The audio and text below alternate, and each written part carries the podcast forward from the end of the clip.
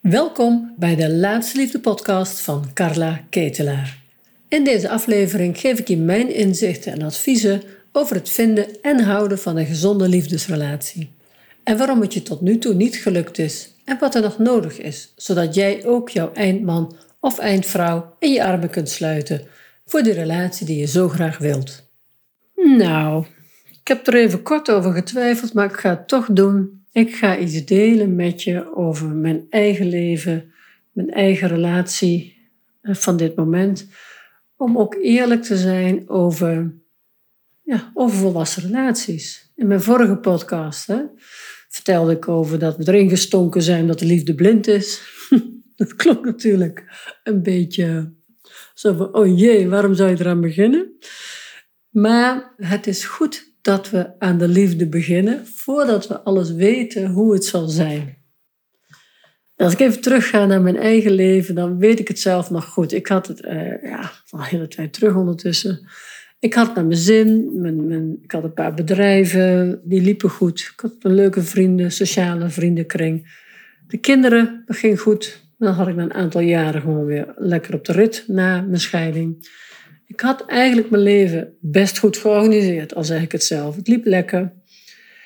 En ik keek daar ook met een soort trots en blijdschap op terug. Er was altijd wel reuring in mijn leven. Maar goed, hè? Ook, ik voelde ook een diep verlangen naar een liefdespartner. Het was toch de ontbrekende schakel in mijn leven dat ik heel graag een partner wilde. Ja, en voor lang, voor ja, toch om je oud te worden. Klinkt zo zwaar, maar ik had een paar relaties achter de rug. En ik werd ook verdrietig van dat het weer fout was gegaan. Ook naar de kinderen toe. Uh, en zeker ook naar mezelf. Maar ja, met de kinderen was ik toch... Ja, daar ben je toch extra voorzichtig mee. En dat was ik ook wel geweest. En na drie jaar ging toch die relatie weer fout. En dat ja, vond ik ook pijnlijk. Maar goed, nadat ik het allemaal achter de rug had uh, en ik stond weer goed op de rails, bleef dat verlangen natuurlijk. En ik uh, ging op zoek. En mijn eindman, Steven, die kwam er. De kerst op de taart was gearriveerd, zullen we zeggen. En vervolgens gingen we natuurlijk dat samengestelde gezin worden. En we gingen onze levens in elkaar ritsen. Nou, dat was in ieder geval het plan dat we dat een beetje smooth en makkelijk zouden doen. Want ik wilde dat leven delen met een volwassen man die natuurlijk ook zijn eigen zaakjes en leven goed op orde had. Precies zoals hij zijn leven wilde inrichten. En ik had natuurlijk wel vermoedens van, goh, dat is interessant en hoe komen we daarin bij elkaar. Maar weet je, de liefde was de, het enthousiasme over elkaar, uh, heel erg elkaars ja, kaliber zijn. Ik ben nogal een daadkrachtige dame, soms zelfs dominant, bazig. En hij had ook een bepaalde zekerheid en ook dominantie. Dus dat voelde ook heel goed geborgen en op een bepaalde manier kloppend. Dus al die dingen speelden mee, dat we toch, hoppakee, we zijn, we zijn gesprongen en we hebben die relatie gekregen. En het is natuurlijk een utopie om te denken dat dit allemaal naadloos aansluit. Want als ik even naar onze achtergronden kijk, ik ben opgegroeid met een afwezige vader en een ja, afwezige vader emotioneel, zeg maar, weinig bevestiging. En mijn moeder was soort van aanwezig, maar hoe verder ik in mijn leven kom, zie ik ook. Ze was fysiek aanwezig, maar emotioneel ook veel erg afwezig. Steven is opgegroeid in een gezin waarin praten over het gevoel niet vanzelfsprekend was. Dus beide hebben we onze eigen, ja, hebben we in ons eigen leven dat ontwikkeld, waarmee wij dat konden compenseren. Steven is heel erg zijn eigen weg in de sport gegaan, heeft een, sportcarrière ontwikkeld en ging daar zijn bevestiging halen. Ik werd heel erg aanwezig. Ik, ging, ik was een drukke, extraverte vrouw die heel veel aandacht vroeg. Had ook altijd bergen mensen om me heen. Maar ik verloor mezelf ook. Dus ik zocht mijn bevestiging oh en presteren. Eigen bedrijven, altijd dingen doen die spannend waren. Nou, allemaal een beetje dat, die grenzen opzoeken om mezelf te bewijzen. Dus ik zat mezelf te bewijzen in aandacht en eigenlijk in het presteren, maar ook ik vroeg heel veel aandacht van anderen door wie ik was, uh, grapjes, erg aanwezig. En daar kreeg ik respons op. Natuurlijk heel vaak ook niet oké, maar daar was ik denk ik blind voor. Want ik heb lang in dat patroon gezeten, dat het me blijkbaar voldoende bevestigde om daarmee door te gaan. Dus je voelde me aankomen. Deze twee mensen kwamen bij elkaar. Eén persoon die veel aandacht nodig had en één persoon die zich eerder terugtrok en zijn eigen ding deed en daar zijn bevestiging haalde. Nou, door de jaren heen zijn we elkaar zeker tegengekomen, regelmatig.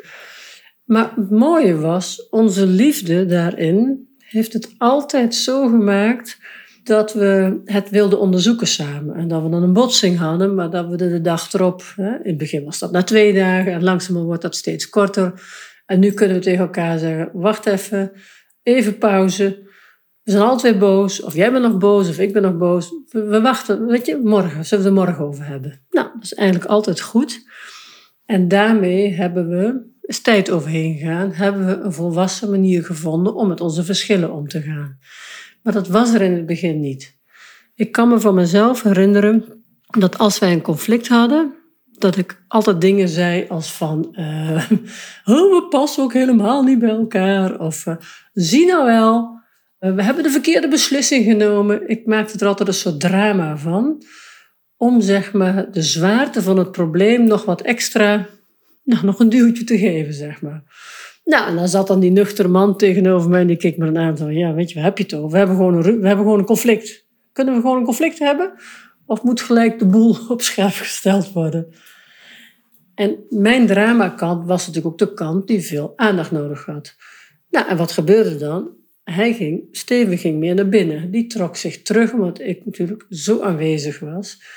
En nou, we hebben beide daar stappen in moeten zetten, wilden we elkaar kunnen blijven vinden.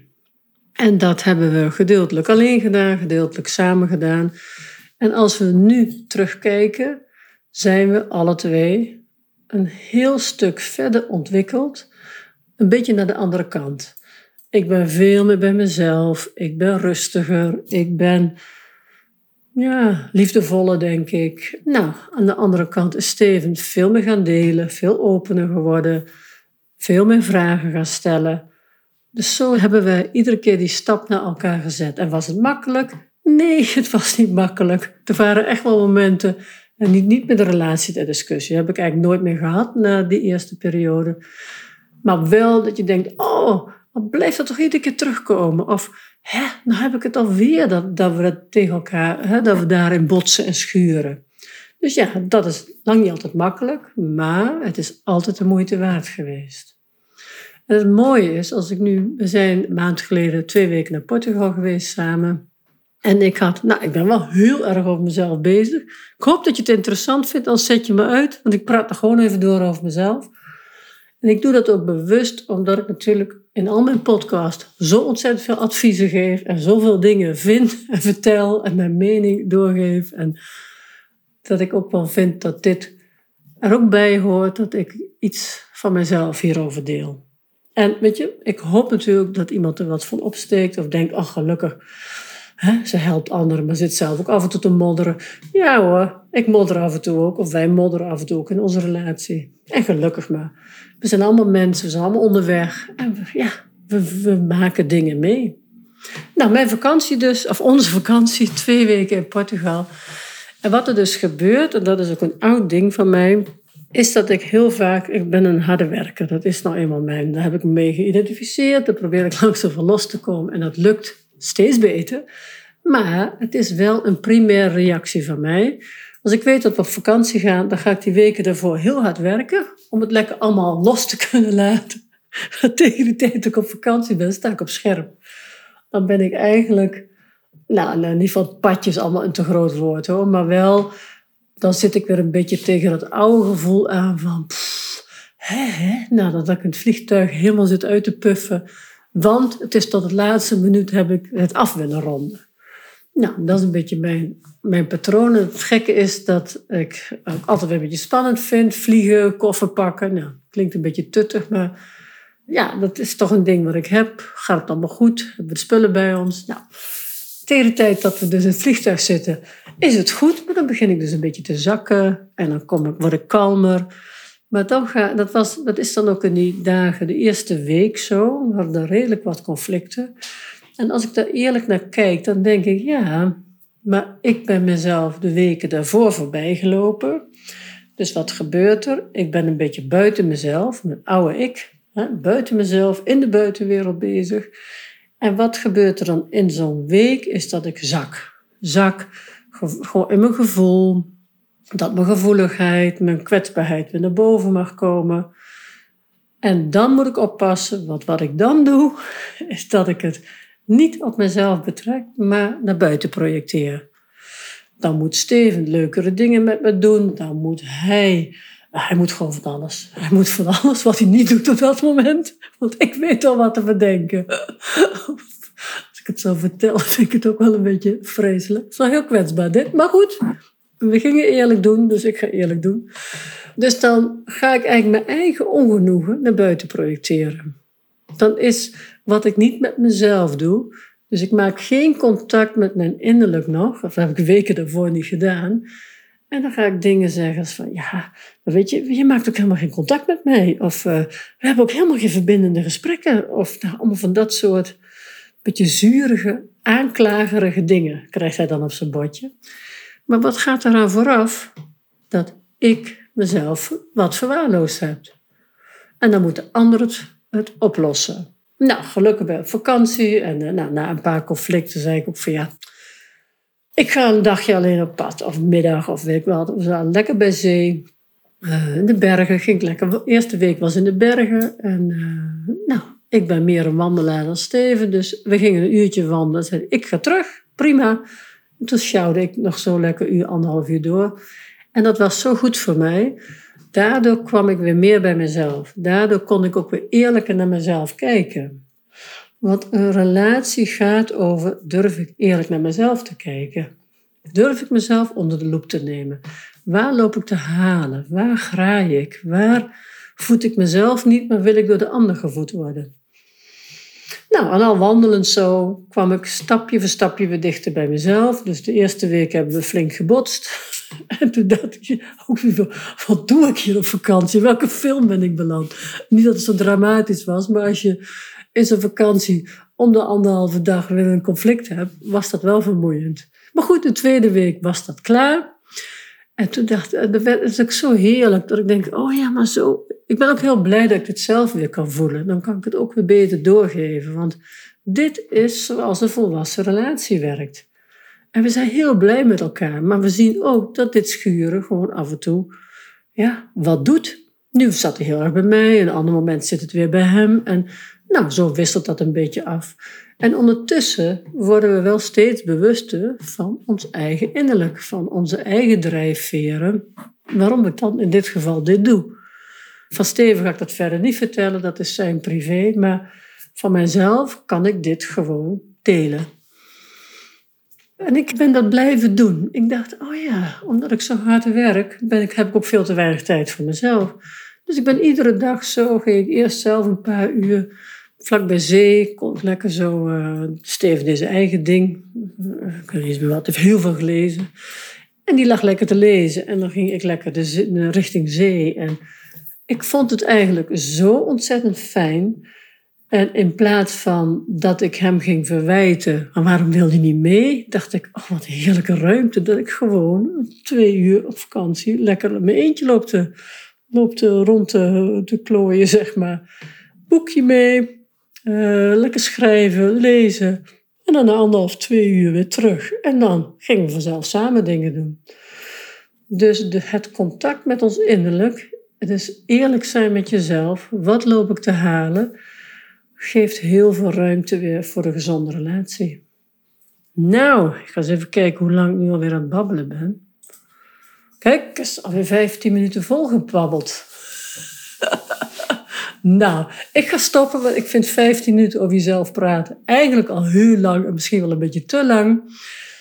Fijn om het even met je te delen. En uh, Voel jij je aangesproken als daadkrachtige ondernemende vrouw?